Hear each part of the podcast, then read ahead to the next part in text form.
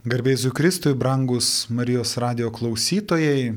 Šiandieną aš, kunigas Mindaugas Bernotavičius, sveikinuosi su jumis iš e, Marijos radio Vilniaus studijos. Esu čia atvykęs ne vienas, su manimi yra mano bičiuliai Mantas bei Laura. Sveiki. Esame atvykę į šią studiją su tokia didelė proga, artėja sėkminės O tai bažnyčiai yra ypatinga šventė. Tikriausiai ne vienas e, irgi, kurie lankotės bažnyčioje, iš kunigų girdite tą pasakymą, kad sėkminės yra bažnyčios gimtadienis.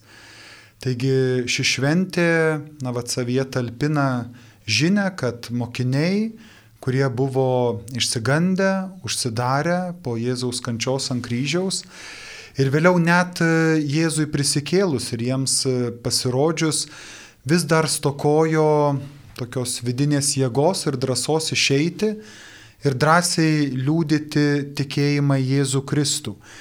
Ir kai jų nužengė šventoji dvasia, įvyko toks vidinis įvykis, kuris taip perkeitė apaštalų gyvenimą, kad jie iš tų, na sakytumėm, tokių bailių ir įsigandusių Jėzaus mokinių tapo drąsiais pirmosios na, bažnyčios kuriejais. Tad šiandieną ir esame studijoje pasidalinti su jumis apie šventąją dvasę, apie jos veikimą bažnyčios gyvenime, o taip pat ir kiekvieno mūsų gyvenime. Be abejo, kai mes kalbame apie šventąją dvasę, tai mes negalime kalbėti tik tais apie sėkminių įvykį, tarsi iki to laiko šventoji dvasia nebūtų egzistavusi ar veikusi. Šventoji dvasia veikia jau nuo pat pasaulio sukūrimo, taigi nuo pat pradžių. Ir tie, kas skaitome šventą raštą, tikrai puikiai žinome, kad jau pirmajame pradžios, skyri, pradžios knygos skyriuje mes turime tokius žodžius. Pradžioje Dievas sukūrė dangų ir žemę, o žemė buvo padrika ir dika, tamsa gaubė bedugnė ir dvasia iš Dievo dvelkė virš vandenų. Taigi ta Dievo dvasia jau dalyvavo kūrimo darbe. Tai yra tokia pirmoji galbūt šventosios dvasios savybė, kad šventoji dvasia yra ta, kuri duoda gyvybę, duoda buvimą. Ir nebereikalo šventoji dvasia vadinama ruach, kaip dvasia, vėjas ar alsavimas, nes e, be galo sunku sukonkretinti jos veikimą. Tai yra visa tai, kas e, na, va, duoda tokį judesį gyvybei. Ir galima tik tais tam tikrais, na, tokiais apibūdinimais kalbėti apie šventąją dvasę. Jau vėliau, dar Seno testamento laikais, šventosios dvasios e, veikimą Izraelio tauta patyrė kaip prisilietimą prie tam tikrų asmenų, kuriems buvo, na, Dievo suteikiama pareiga vadovauti tautai. Taip vadinamieji pranašai ir ypatingai, kas skaitote teisėjų knygą, tai teisėjai ten ypatingai jaučiama, kad šventoji dvasia nužengia ant jų, jie įgauna tokios vidinės drąsos vesti tautą tada, kai tautai yra tas be galo reikalinga. Taigi tokie charizmatiniai lyderiai, sakytumėm, tautos, kuriuos Navadievas dvasios pagalba pažadina, įdarbina tautoje vestyje. Ir kas labai įdomu, irgi pastebima būtent teisėjų knygoje, kad atlikę savo misiją, vieną ar kitą, kuri Dievo yra jiems pavesta išrinktojų tautoje, jie pranyksta, taigi daugiau apie tuos teisėjus nėra kalbama. Tai vėlgi Izraelio tautoj buvo toksai suvokimas, kad va, Dievas duoda dvasios, ta, kuri teikia gyvybę, bet taip pat ir atlikti tam tikrai misijai. Nors jie galvojo, kad ta misija yra laikina ir trunka tik tam tikrą laiką, nes kitaip pranašas negalėtų išbūti tarsi visą laiką tik tais dvasios vedamas. Jeigu žvelgtumėm į didžiuosius pranašus, vėlgi Senajame testamente, tai pranašas Izaijas, jisai Dievo dvasios išliejimą žmonėms e, su tokia vidinė gyvybė ir misijos suteikimu, jisai lygina tarsi su tokiu vandens išliejimu. Vėlgi tai yra be galo simboliška, mes puikiai žinom, vanduo yra susijęs su Krikšto sakramentu, tai reiškia gyvybę, gyvybingumą. Žmogus didžiaja dalimi yra sudarytas iš vandens, tai vėlgi simbolis labai tinkantis apibūdinti šventai dvasiai ir jos veikimui, kad jinai taip persmelkia visą žmogaus gyvenimą, kad jis iš tikrųjų jaučiasi gyvas gyvendamas šitam pasauliu ir atlikdamas Dievo darbus duotojus jam. Jeigu žvelgtumėm dar į priekį, pranašas Ezekielis byloja tokius žodžius. Nuplausiu jūs tyru vandeniu, bus nuvalyti visi jūsų nešvarumai, visi jūsų stabai bus pašalinti. Duosiu jums naują širdį ir atnaujinsiu jūs naują dvasę išimsiu iš jūsų akmeninę širdį ir duosiu jums jautrę širdį. Duosiu jums savo dvasę ir padarysiu, kad gyventumėte pagal mano įstatus, laikytumėtės mano įsakų ir juos vykdytumėte. Tai matome, kad na, vat, šventosios dvasios pažinimas jisai nuolat gilėja išrinktojoje tautoje.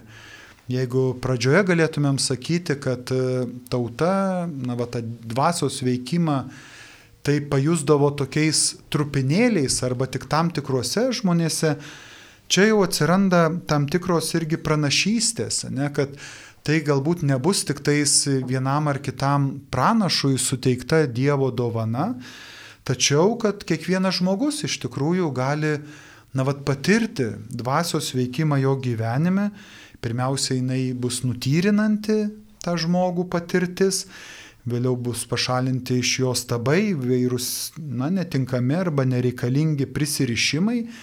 Ir akmeninė širdis, kuri galbūt simbolizuoja tokias, na, Sisifo darbą, galbūt atspindinčią žmogaus pastangas įgyvendinti tikėjimą, bus pakeista, na, tokia kūniška, iš dvasios jėgos ateinančia širdimi, kada žmogui nebereiks dėti tokių begalinių pastangų, kad atrodo galėtų būti tikrai geras tikinti žmogus, tačiau pats troškimas būti artumoji Dievo kils tarsi iš vidinių paskatų, o ne iš išorės galbūt raginimo arba mokymo.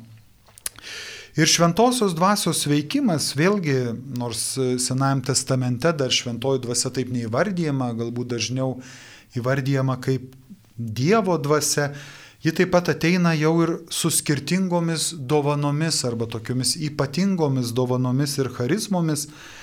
Apie jas jau šiek tiek irgi byloja Senajam testamente pranašas Joelis, kada jisai palieka tokius žodžius, tada išliesiu savo dvasę ant visos žmonijos.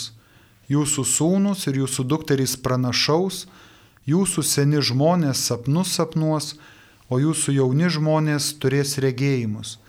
Net ant vergų, vyrų ir moterų tomis dienomis išliesiu savo dvasę.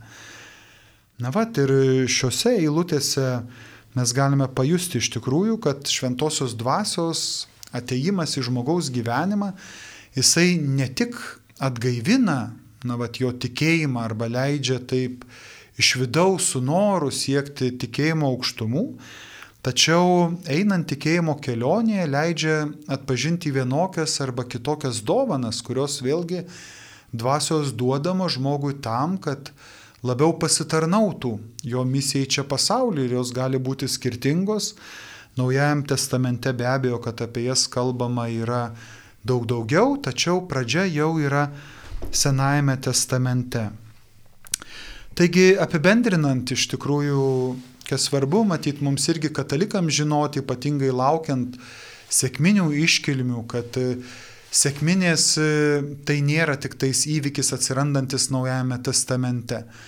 Galbūt e, galėtumėm sakyti, kad sėkminės tai yra toksai regimas ir jau visiems patiriamas šventosios dvasios veikimas, apie ką ir kalbėjo pranašas Juelis, kad ne tik tais ant žydų, ant išrinktosios tautos nužengs Dievo dvasia, bet kaip jis byloja net ant vergų, vyrų ir moterų, Dievas taip pat pažada išlieti savo dvasę.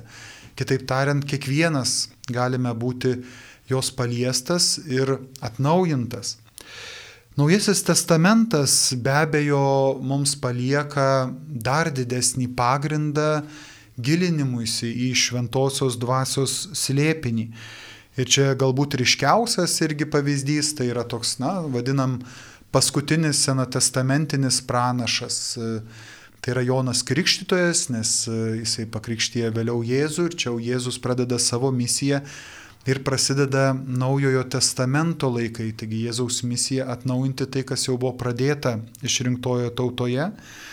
Tai Jonas Krikštytojas iš tikrųjų jisai krikštijo atgailos krikštu. Žmonės, kurie atkeliaudavo pas jį, buvo asketas, atsiskyrėlis savo tokiu gyvenimu ir radikalu, radikalumu savo gyvenimu. Jisai traukė žmonės ir tuos, kurie panorėdavo taip pat keisti savo gyvenimą, artėti prie Dievo, jisai taip radikaliai ragino atsižadėti nuodėmės ir pradėti atnaujintą gyvenimą. Ir vėlgi to simbolio buvo naudojama, na, vat vanduo, kas dabar irgi yra, na, vat mums priminimas, kai mes dalyvaujame jau, pavyzdžiui, Krikšto sakramento peigose ir vaikam, vėlgi ant galvos yra pilamas vanduo. Tačiau ką Jonas Krikštytojas kalba, jisai sako, ateis po manęs tas, kuris, na, jums duos ne tik vandens krikštą, na, ne tą tokią atgaivinimą gyvenimo, tačiau, na, vad suteiks dvasios krikštą, ne? Tai ir tai bus, na, to tokio vidinio dvasinio krikšto, na, tokia pilnatvė, nes čia veikia pats Dievo sūnus Jėzus Kristus. Ir pats Jėzus jau ne vienoj vietoje ir tikriausiai ypatingai Velykų liturginiu laiku, praėjus Velykoms mes nekartą girdime, skaitant e, Evangelijos pagal Joną ištraukas, kur Jėzus nekarta byloja, kad jam baigiant savo tokią regimą misiją mokinių tarpe ir kai ateina laikas jam atsiskirti nuo jų, jis paliks globėją, globėją tiesos dvasę, kuri padės toliau mokiniams keliauti per gyvenimo kasdienę piligrimystę. Kad iš tikrųjų mokiniai nepasiliks vieni, Ir žinom tas laikas, kai, na, vat, Jėzus atsitraukė irgi nuo savo mokinių, jiems buvo toksai laukimo laikas, ne, mokiniai net, kai jie buvo išsigandę kartu su Marija, jie buvo užsidarę vienoje vietoje ir meldėsi, meldėsi, taigi vis tiek bendravo su Dievu ir tikriausiai bent jau galėtumėm numanyti, kad prašė arba iškumo, kaip jiems toliau reiktų elgtis, ką reiktų daryti, kai Jėzaus nėra, va taip regima jų tarpe, arba sustiprinimo. Ir būtent tam momente, ką byloja na, va, ir švento rašto autoriai, jie patiria tokį pilną šventosios dvasios na, nužengimą ir veikimą jų gyvenime, ką mes vadiname sėkminėmis. Jiems buvo pakankamai sunku tikriausiai paprastai žodžiais apibūdinti tą patirtį ir mes vėlgi šventam rašte skaitome ne tarsi ugnies liežuviai nužengia ant jų šventoji dvasia ir kažkoks toksai vėlgi, reiškia, patirtis tokio uždegimo, kažkokio pilnumo, ugnies jų gyvenime.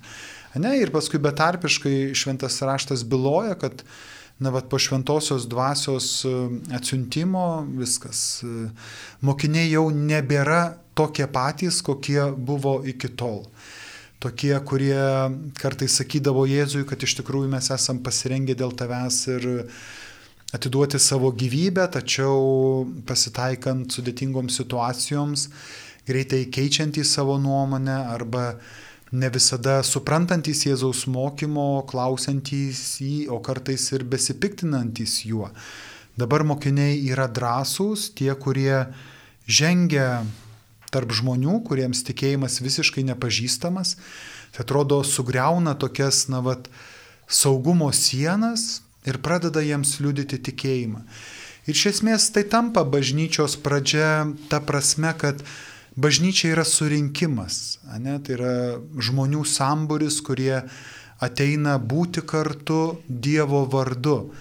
Tai nuo to momento, kai na, va, paštalai patyrė šventosios dvasios veikimą jų gyvenime, jie pradeda drąsiai liudyti Jėzų patys, nes matyt prieš tai dar ir išgyveno tokį asmeninį na, gyvenimo perkeitimą, po truputėlį atsiranda pirmosios bendruomenės ir tas bendruomenių tinklas augo, augo, nors ir turėjo daugybę iššūkių, mes žinom ir persekiojimo ar atmetimo laikotarpį, tačiau žmonės, jie girdėdavo, kalbant apaštalus, matydavo daromus jų darbus ir jų širdys atpažindavo, kad juose veikia Dievo dvasia, užsidegdavo Dievo troškimu ir tiesiog, na vat, matydami jų pavyzdį, sakydavo, broliai, o kaip mes galime įsijungti jūsų tarpą.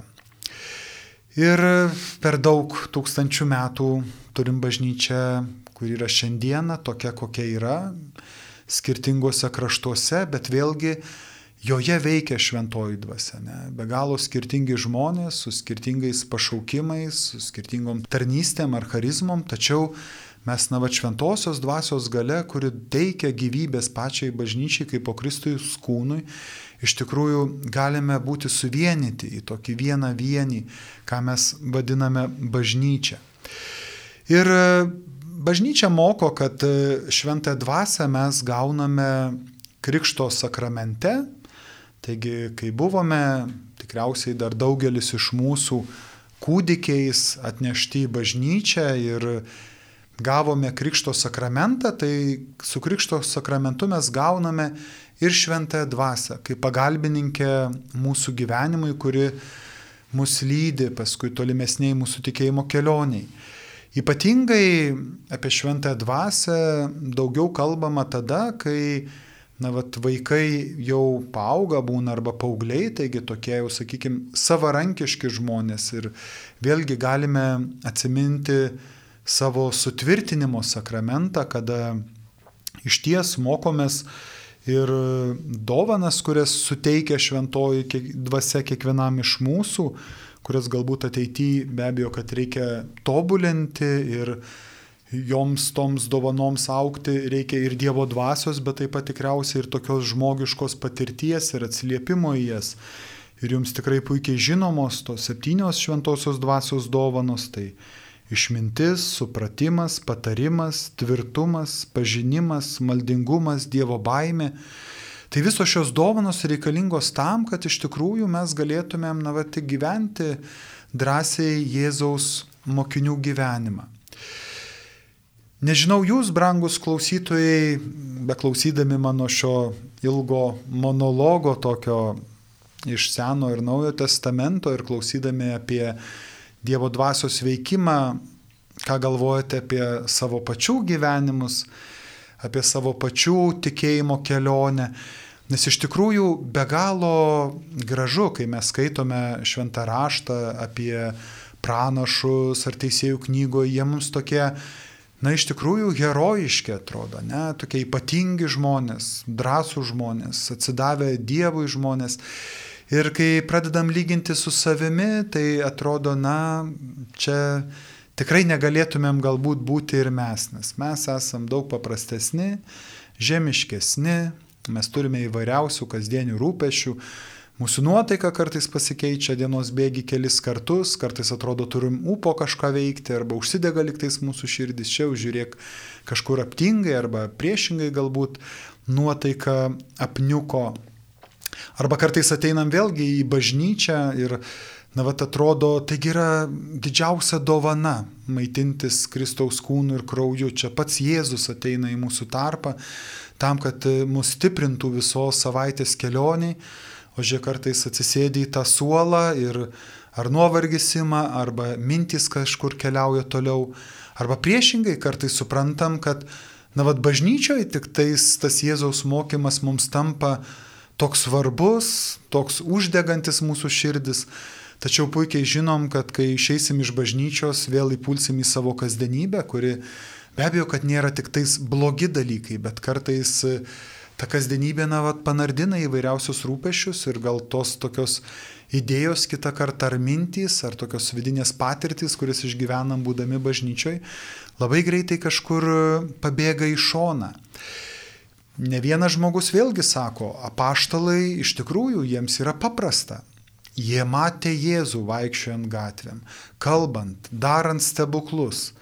Taigi įvairūs ligoniai pagydydavo, jisai mirusius prikėlė.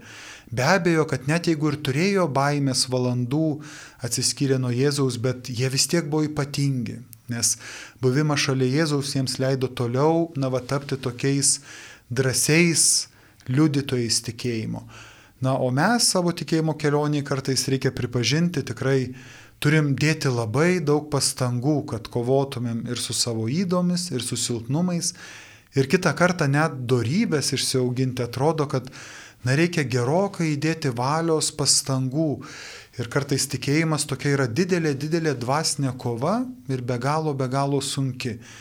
Ir kartais atrodo, na va, ta šventoji dvasia, apie kurią kalba šventasis raštas, tai atrodo priešingai turėtų uždegti žmogaus širdį, aš turėčiau skonėti savo tikėjimu, man turėtų būti džiaugsmas jį liudyti. Galėtumėm šioje vietoje iš tikrųjų iškelti klausimą, tai kas yra? Ar šventoji dvasia tikrai veikia tik testamento laikais žmonėse tokiu ypatingu, stipriu būdu ir dabar mums lieka galbūt tik tais kokie nors jos pėtsakai, Ar visgi šventoji dvasia iš tikrųjų ir mūsų dienomis daro tą patį, jeigu mes mokame ar gebame ją priimti? Su mumis studijoje drauge yra Laura Kaplevskė, taigi ir šeimos žmogus, ir žmona, ir mama, ir taip pat turinti savo gyvenime irgi šventosios dvasios veikimo bei artumo patirtį Tad paprašysime Laurą šiek tiek pasidalinti savo įžvalgomis apie šventąją dvasę. Toks provokuojantis klausimas iš tikrųjų, kaip su ta šventąją dvasia ir kaip čia yra su šiais laikais, ar iš tikrųjų šventoji dvasia jau te lieka kažkokie likučiai nuo Jėzaus mokinių, ar visgi ji aktyviai veikia ir čia ir dabar, ir šiais laikais mūsų gyvenimuose. Tai e, ko gero Aš norėčiau pradėti nuo to taško, jog šventoji dvasia yra asmuo. Tai yra trečiasis e, švenčiausiosios trejybės asmuo Dievas. Ir Dievas kaip ir veikė nuo tada senų senovės, kaip pradėjo kunigas Mindaugas, ar ne, kai kūrė pasaulį ir kūrė mus visus. Taip ir toliau yra čia žemėje su mumis visais nuolatos, nepaisant to, kaip mes tai išgyvename nepaisant to, kokia yra mūsų nuotaika, koks yra mūsų pasirinkimas, koks yra mūsų požiūris į gyvenimą ir apsisprendimas, kaip jį gyventi.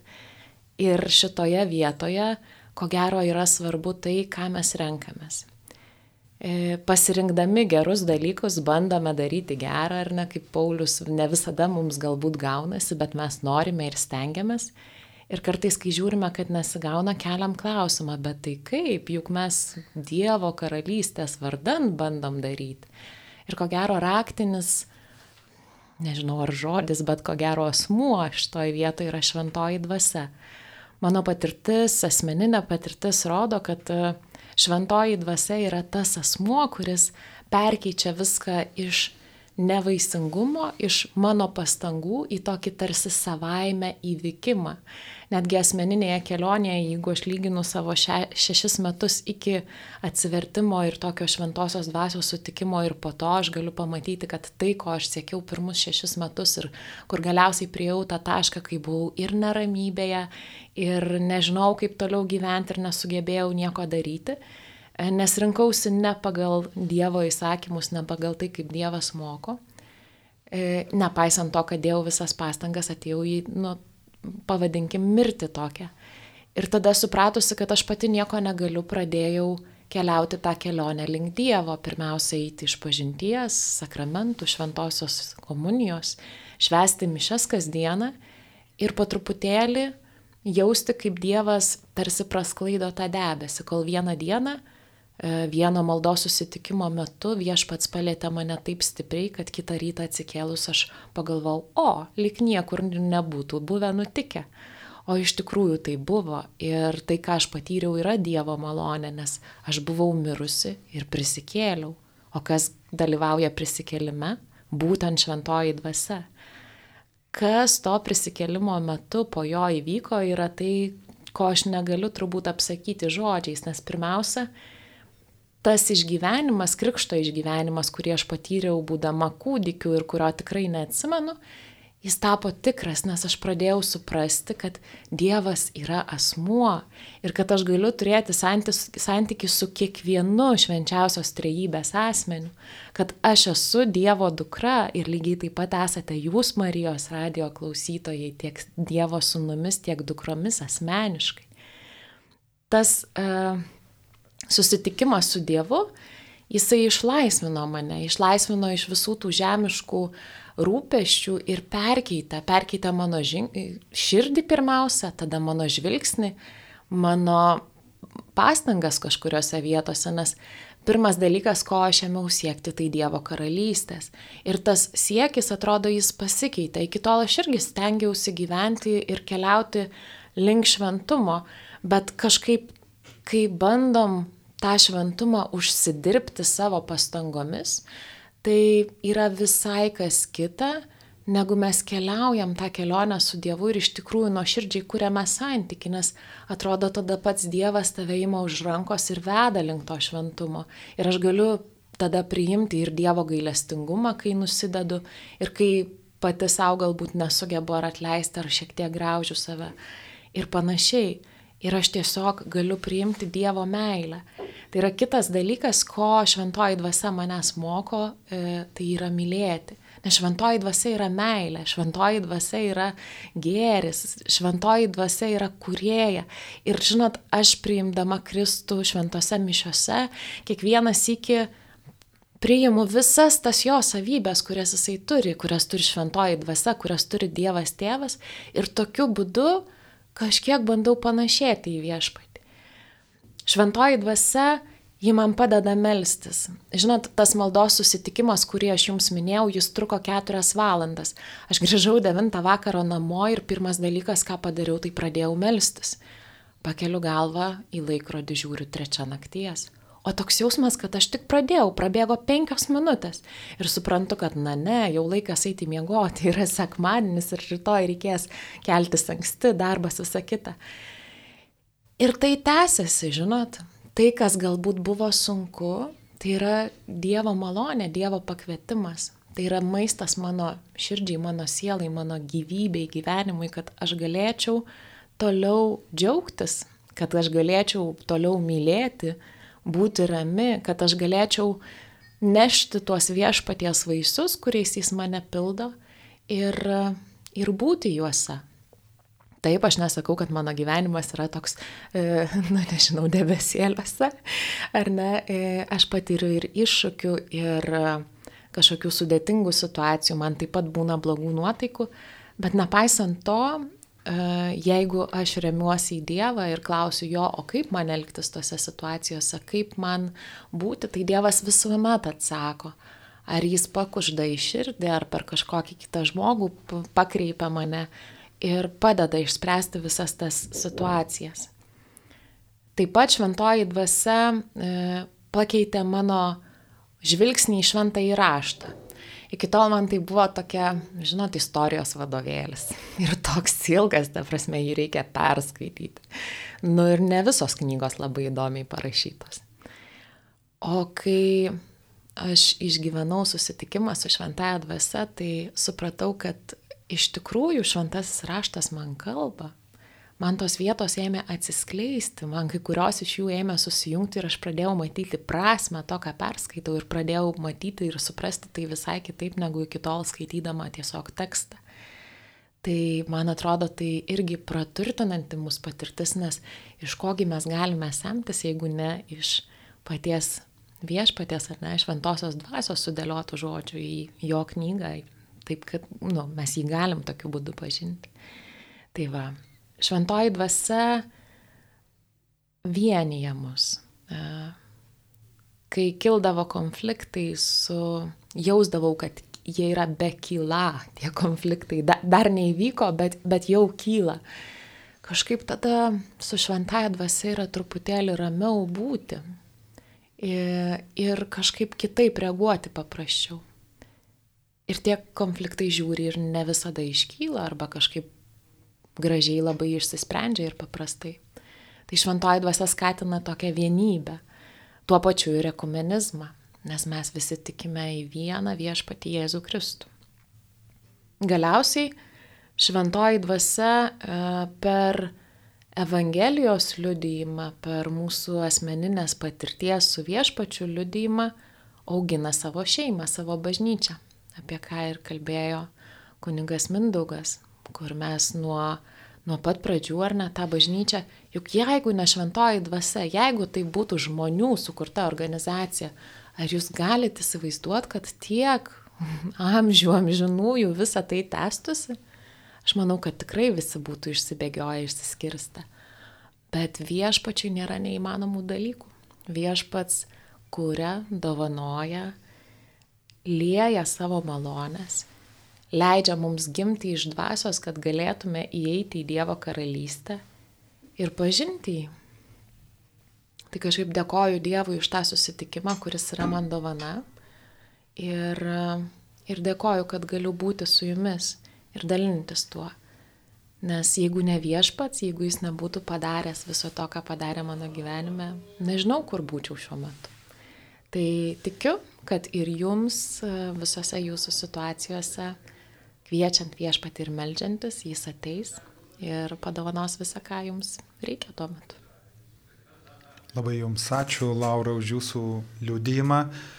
Štai mėly radio klausytojai, išgirdome na, dar vieną tolimesnį tokį žingsnelį, kad iš ties, kai kalbėjau apie Krikšto sakramentą arba apie sutvirtinimo sakramentą, kada priimam šventoją dvasę ir priimam vėliau iš šventosios dvasios dovanas, tai štai ką liudijo mums irgi Laura, tai jį liudija apie jau vėliau jos gyvenime nutikusi momentą, kada ji jau buvo tikinti žmogus, Tačiau, na, va, tam tikrų laikų įvyko ta tokia vidinė patirtis, asmeninė patirtis, kuri labai stipriai radikaliai pakeitė jos gyvenimą. Ir vėlgi bažnyčioje neretai kalbama apie šią patirtį kaip apie krikštą šventojoje dvasioje. Taigi yra tokia, na, va, naujosios, galima sakyti, sėkminės, kurios jau įvyksta ne tik tais apaštalų laikais, bet įvyksta paties žmogaus gyvenime. Ne? Ir, Ir tai vyksta įvairiais gyvenimo laikotarpiais. Vėlgi, na, matyt, kai žmogus tampa pasirengęs priimti šventosios dvasios dovanas ir pats atveria savo širdį Dievo veikimui. Žinom, Dievas per prievartą niekada neįeina į žmogaus gyvenimą, bet kantriai beldžia. Na, o šiuo metu dar turime studijoje vieną svečią, kaip minėjau, Mantą, kuris taip pat atvyko su mumis pasidalinti mintimis apie šventąją dvasę ir jos veikimą jo gyvenime, kaip tai padeda jam, na, aktyviau būti savo parapijos bendruomenėje. Taip, norėčiau paliūdyti tai irgi taip pat, kad viešpats atjaučia mūsų užmaršumą ir tai, kad išmėtom jo malonės, užtai jisai ateina visą laiką išlieti dvasę dar ir dar, kad mes vis naujai vėl sugrįžtumėm į tikėjimą, į pilną alsavimo meilę. Ir galiu taip irgi, man čia prieš kiek metų buvo sutvirtinimo sakramentas, kur e, arkiviskupas Grušas įteikė, bet labai sąmoningai aš ruošiausi ir po to prasidėjo labai tokie įdomus dalykai. Po to sutvirtinimo tiesiog, na, galiu pasakyti, kad e, per laiką, per kažkelias dienas buvo prisipildžiusi tokia širdis, tokios degančios meilės trokštančios dalintis. Ir jeigu tu jos nedalinti, tai labai skauda. E, trokštančios tarnauti įvairiais pavydalais. Tiesiog nu, tu negali sulaikyti, trokšti ar, ar malda, ar bažnyčios tarnystė, kažkaip dildyti tą meilę, tą ilgesį Dievo, kad jis nedegintų taip širdies, nes jeigu jos neleis į apyvartą, jinai skaudina labai ir ten iš tikrųjų toks vidinis gal liudesys atsiranda, daugiau toksai, kurio tu, ir tu turi būtinai ją leisti. Ir jinai ne tai, kad anksčiau būdavo man sunku kažkaip, reikėdavo valios pastangų daug prisiversti, pažinti viešpatį, skaityti šventą raštą. O ta ugnis iš tiesų taip nutėsi kelią, kad viskas eina liktai tarsi savaime. Tiesiog nu, plaukte, plaukė į visus, viską įmi, visur dalyvauti, trokšti viskas džiugina. Būna, kas užgauna, bet greit praeina. Nes kartu šventoji dvasia duoda mokinio laikyseną, tokia, kada nesi pats savo baigtinis atbaigtas jau krikščionis. Tai yra šventėjimo kelias, tu mokinio laikysena, kada tu visą laiką įsiklausai tą vidinį viešpatės kalbėjimą, kada jis tave nukreipia, jis visą laiką atsako. Jeigu papuoliai kažkokia netyra laikysena, ar, nu, sakykime, nusivylimas kažkoks, ar pasipiktinimas kažkokiu bendruomenės nariu, viešpats visą laiką iškalbina iš tos laikysenas.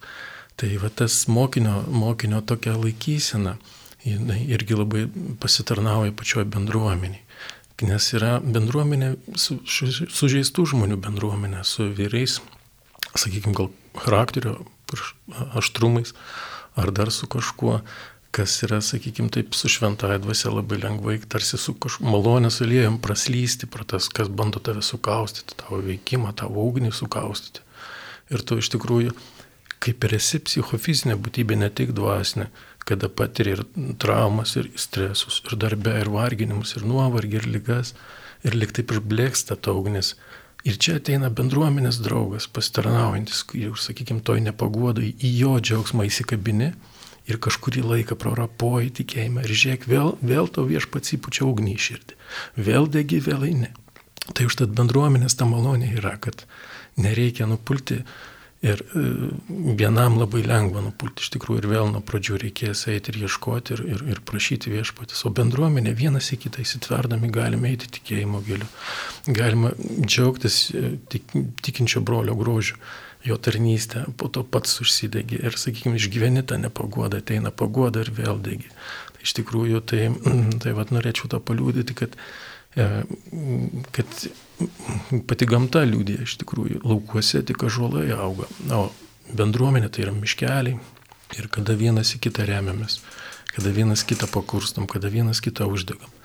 Man labai gražus yra apaštalų šitas susirinkimo, kada vienas pas kitą lauždavo duoną džiugi širdimi ir garbindavo Dievą, kaip Kristaus prisikėlimo šitas Evangelijos, Evangelijos raštas. Tai laužti duoną ne tik tai džiaugsmų dalintis, ne tik tai duoną dalintis, ne tik tai tuo, kas tave maitina, bet iš tikrųjų bendruomenėje susitikęs, sutrupini ir tai, kas tave vargina. Pasidalindamas, panešėdamas vienas kito naštą, iš tikrųjų greičiau ištirpinė tas dienos ir viso nuovargio, visą tai, kas tave slegia. Iš tikrųjų, tai vad bendruomenė tu ir tarnauja, kad tu gali ir vaisingiau nukreipti savo, sakykime, tą dvasios karštį, tą dvasios dovaną ir vienas kitam patarnaudamas. Ir tai iš tikrųjų įskeldamas Kristų, gyvai Kristų, tai sakykime, tai būti tai prisikėlusiu Kristaus liudytoju, įgauti tą laikyseną, tai va, bendruomenė ir šventoji dvasia labai smarkiai iš tikrųjų telkia į tą. Ir tai popiežius Pranciškus iš tikrųjų visą laiką, kiek aš jį pastebiu, girdžiu, kiek buvo Lietuvoje irgi ragino burtis. Čia dabar irgi, kad šio mėnesio irgi bažnyčios intencija, kad bendruomenės kasdien iš naujo atrastų savo evangelizaciją, misiją ir jų charizmos tarnautų pasaulio reikmėms. Tai iš tikrųjų tas vat, padrasinimas ir paraginimas jungtis, jungtis į draugystę, į bendruomenę. Ir nereikia bijoti ir sausros, ir, ir, ir, bet visą laiką prašyti viešpatės, išsiliek, išsiliek savo malonę, savo vedimu, savo dvasę. Gaivink, gaivink širdį, kad iš tikrųjų nepamest, nepamest to žvilgsnio į viešpatį. Labai ačiū Jums, man tai už Jūsų liūdėjimą. Na štai, brangus klausytojai, turėjome dviejų žmonių patirtį, kuri irgi iš tikrųjų paliūdė, koks viešpats yra nuostabus ir kokie sunkiai suvokiami yra jo keliai. Iš tikrųjų, šventąją dvasę gaunam Krikštaus sakramentu. Iš tikrųjų, jos dovanomis esame sustiprinami sutvirtinimo sakramento metu. Štai mūsų brolis Mantas liudijo, kad būtent sutvirtinimo sakramento e, gavimo metu jisai buvo pripildyta šventosios dvasios ir užsidegė jo širdis. Taip pat girdėjom ir mūsų sesės Lauros liūdėjimą, kur šventosios dvasios vaisingumas, jis iš tikrųjų, na, jos gyvenime išviešėjo arba buvo patirtas dar vėliau jau po sutvirtinimo sakramento gavimo, nes čia žinot, taip yra Dievo malonė, ji žmoguje yra ir Dievo duodama, bet na, kad jinai taptų vaisinga, ne, čia dar turėtų būti matyti daugiau dalykų, sudėrėti ir Dievo raginimas, ir žmogaus atsiliepimas, ir tie įvykiai iš tikrųjų tada tampa keičiančiais.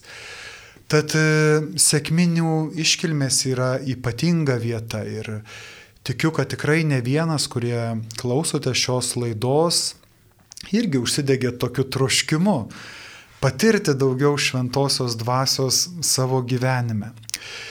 Vilniaus arkiviskupijoje turime vieną parapiją, kuri ypatingai švenčia sėkminių iškilmes, tai yra taip trumpai vadinamos Vilniaus kalvarijos arba Vilniaus Šventojo kryžiaus atradimo kalvarijų parapija, kuri turi didelius atlaidus švesdama sėkminių iškilmę. Ir tų atlaidų metu yra įvairiausių iniciatyvų ir maldos vakarų. Tai penktadienio vakaras, gegužės 26 dieną, yra skirtas būtent tiems, kurie trokšta daugiau šventosios dvasios veikimo jų gyvenime, kad galėtų, na va taip, apčiopiamiau pajusti jos vedimą. Tad jeigu jūs klausotės šios laidos ir kai kurie iš jūsų tikriausiai jau ilgą laiką bičiuliaujate su šventaja dvasia, patirėte jos vedimą, dalyjatės jos dovanomis su savo broliais bei sesėm, tai yra geras laikas išgyventi tokiai bendrystėjai, buvimui kartu, apie ką bylojo ir mantas.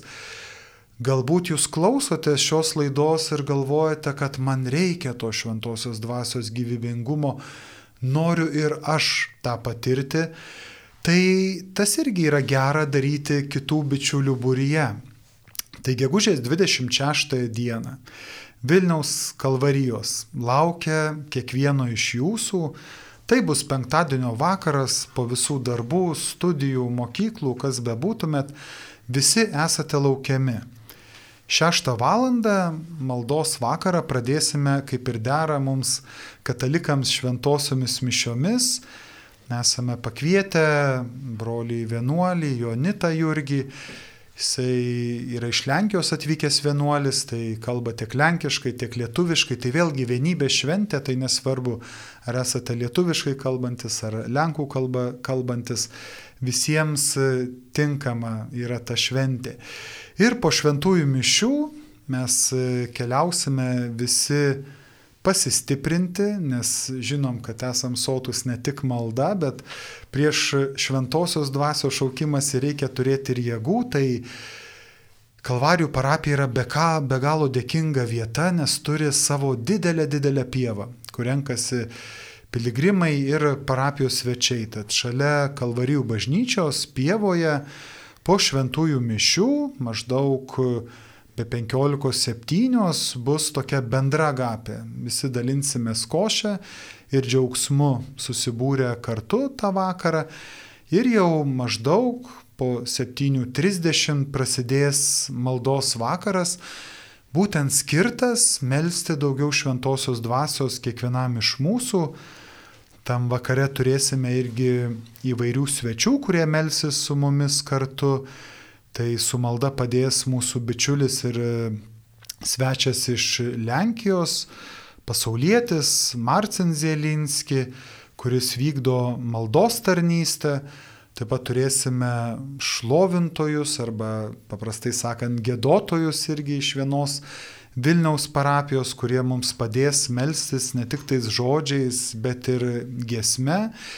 Ir dar toli vėliau jau tikėkime, kad patyrę šventosios dvasios prisilietimą ir uždegimą širdies, turėsim švenčiausio sakramento adoracijos laiką, nes kaip ir Jėzus yra sakęs, šventoji dvasia uždega širdis, bet ne tik todėl, kad širdis tiesiog būtų uždegtos ir viskas, bet jos labai aiškiai kreipia mus į Jėzų Kristų.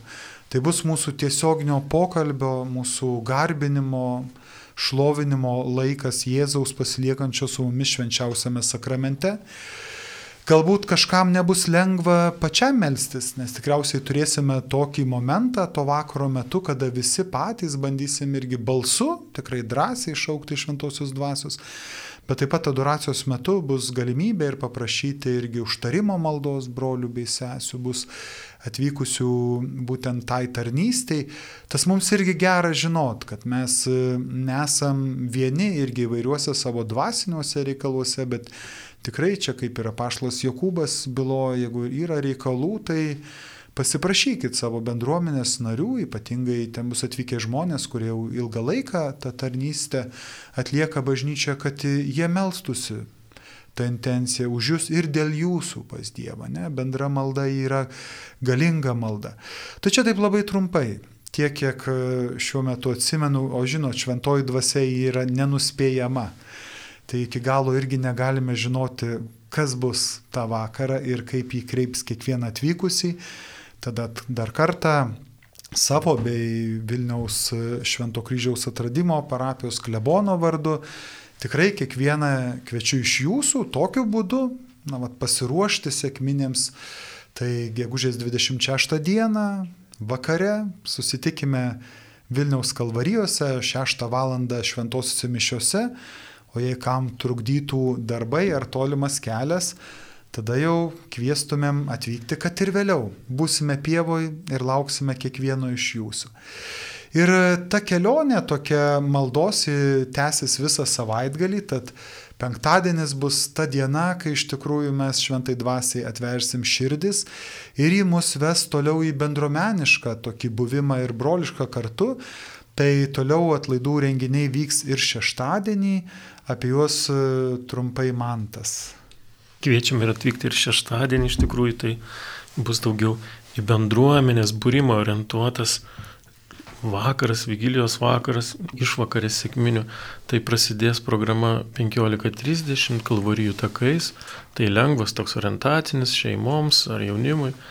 Ir taip pat toliau bus irgi agapė 17.30, kada bendrystėje pasistiprinę, toliau čiupsime į dvasę, į viešpatį, į tikėjimą ir tada bus mokymas. Prasidės 18.45, kada irgi mums bylos, kaip mums sutarti bendruomenė, kaip mums eiti bendruomenė, kaip mums pasilikti, ištverti, ieškoti bendruomenės, kaip mums kurti bendruomenę. Ir toliau, toliau seks pokalbiai, kada galėsim pasidalinti, tai 19.45, vieni su kitais aptarsime, kaip iš tikrųjų viešpats mus kviečia bendruomenė, kokie mūsų lūkesčiai bendruomenė ir ko, kaip mes galėtume įsijungti ar kuo prisidėti. Ir tada bus mm, mišios 21 val. ir trumpa adoracija. Tai prašom, kviečiam iš tikrųjų džiaugtis viešpačiu dvasioje. Štai Kalvarijos visas dienas jūsų laukia, žodžiu, ar būtų penktadienis, ar šeštadienis, arba jau ir pats sekmadienis, kai vyksta pagrindinė atlaidų diena. Žodžiu, tikrai galit apsilankyti ir būsite priimti ir esate laukiami. Dėkoju Jums už Jūsų laiką, už tai, kad e, galime būti kartu, sujungti Marijos radio pagalba ir iš tikrųjų ir tokiu būdu, kai kalbamės, kai dalyjamės apie šventąją dvasę, apie jos veikimą, iš tikrųjų ruošti irgi save sėkminių iškilmių šventimui. Dar kartą dėkoju Jums, čia Marijos radijos studijoje su Jumis buvo ir savo mintimis dalyjosi Laura, Mantas bei aš kunigas Mindaugas, tad dėkojame visiems ir tariame sudie. sudie.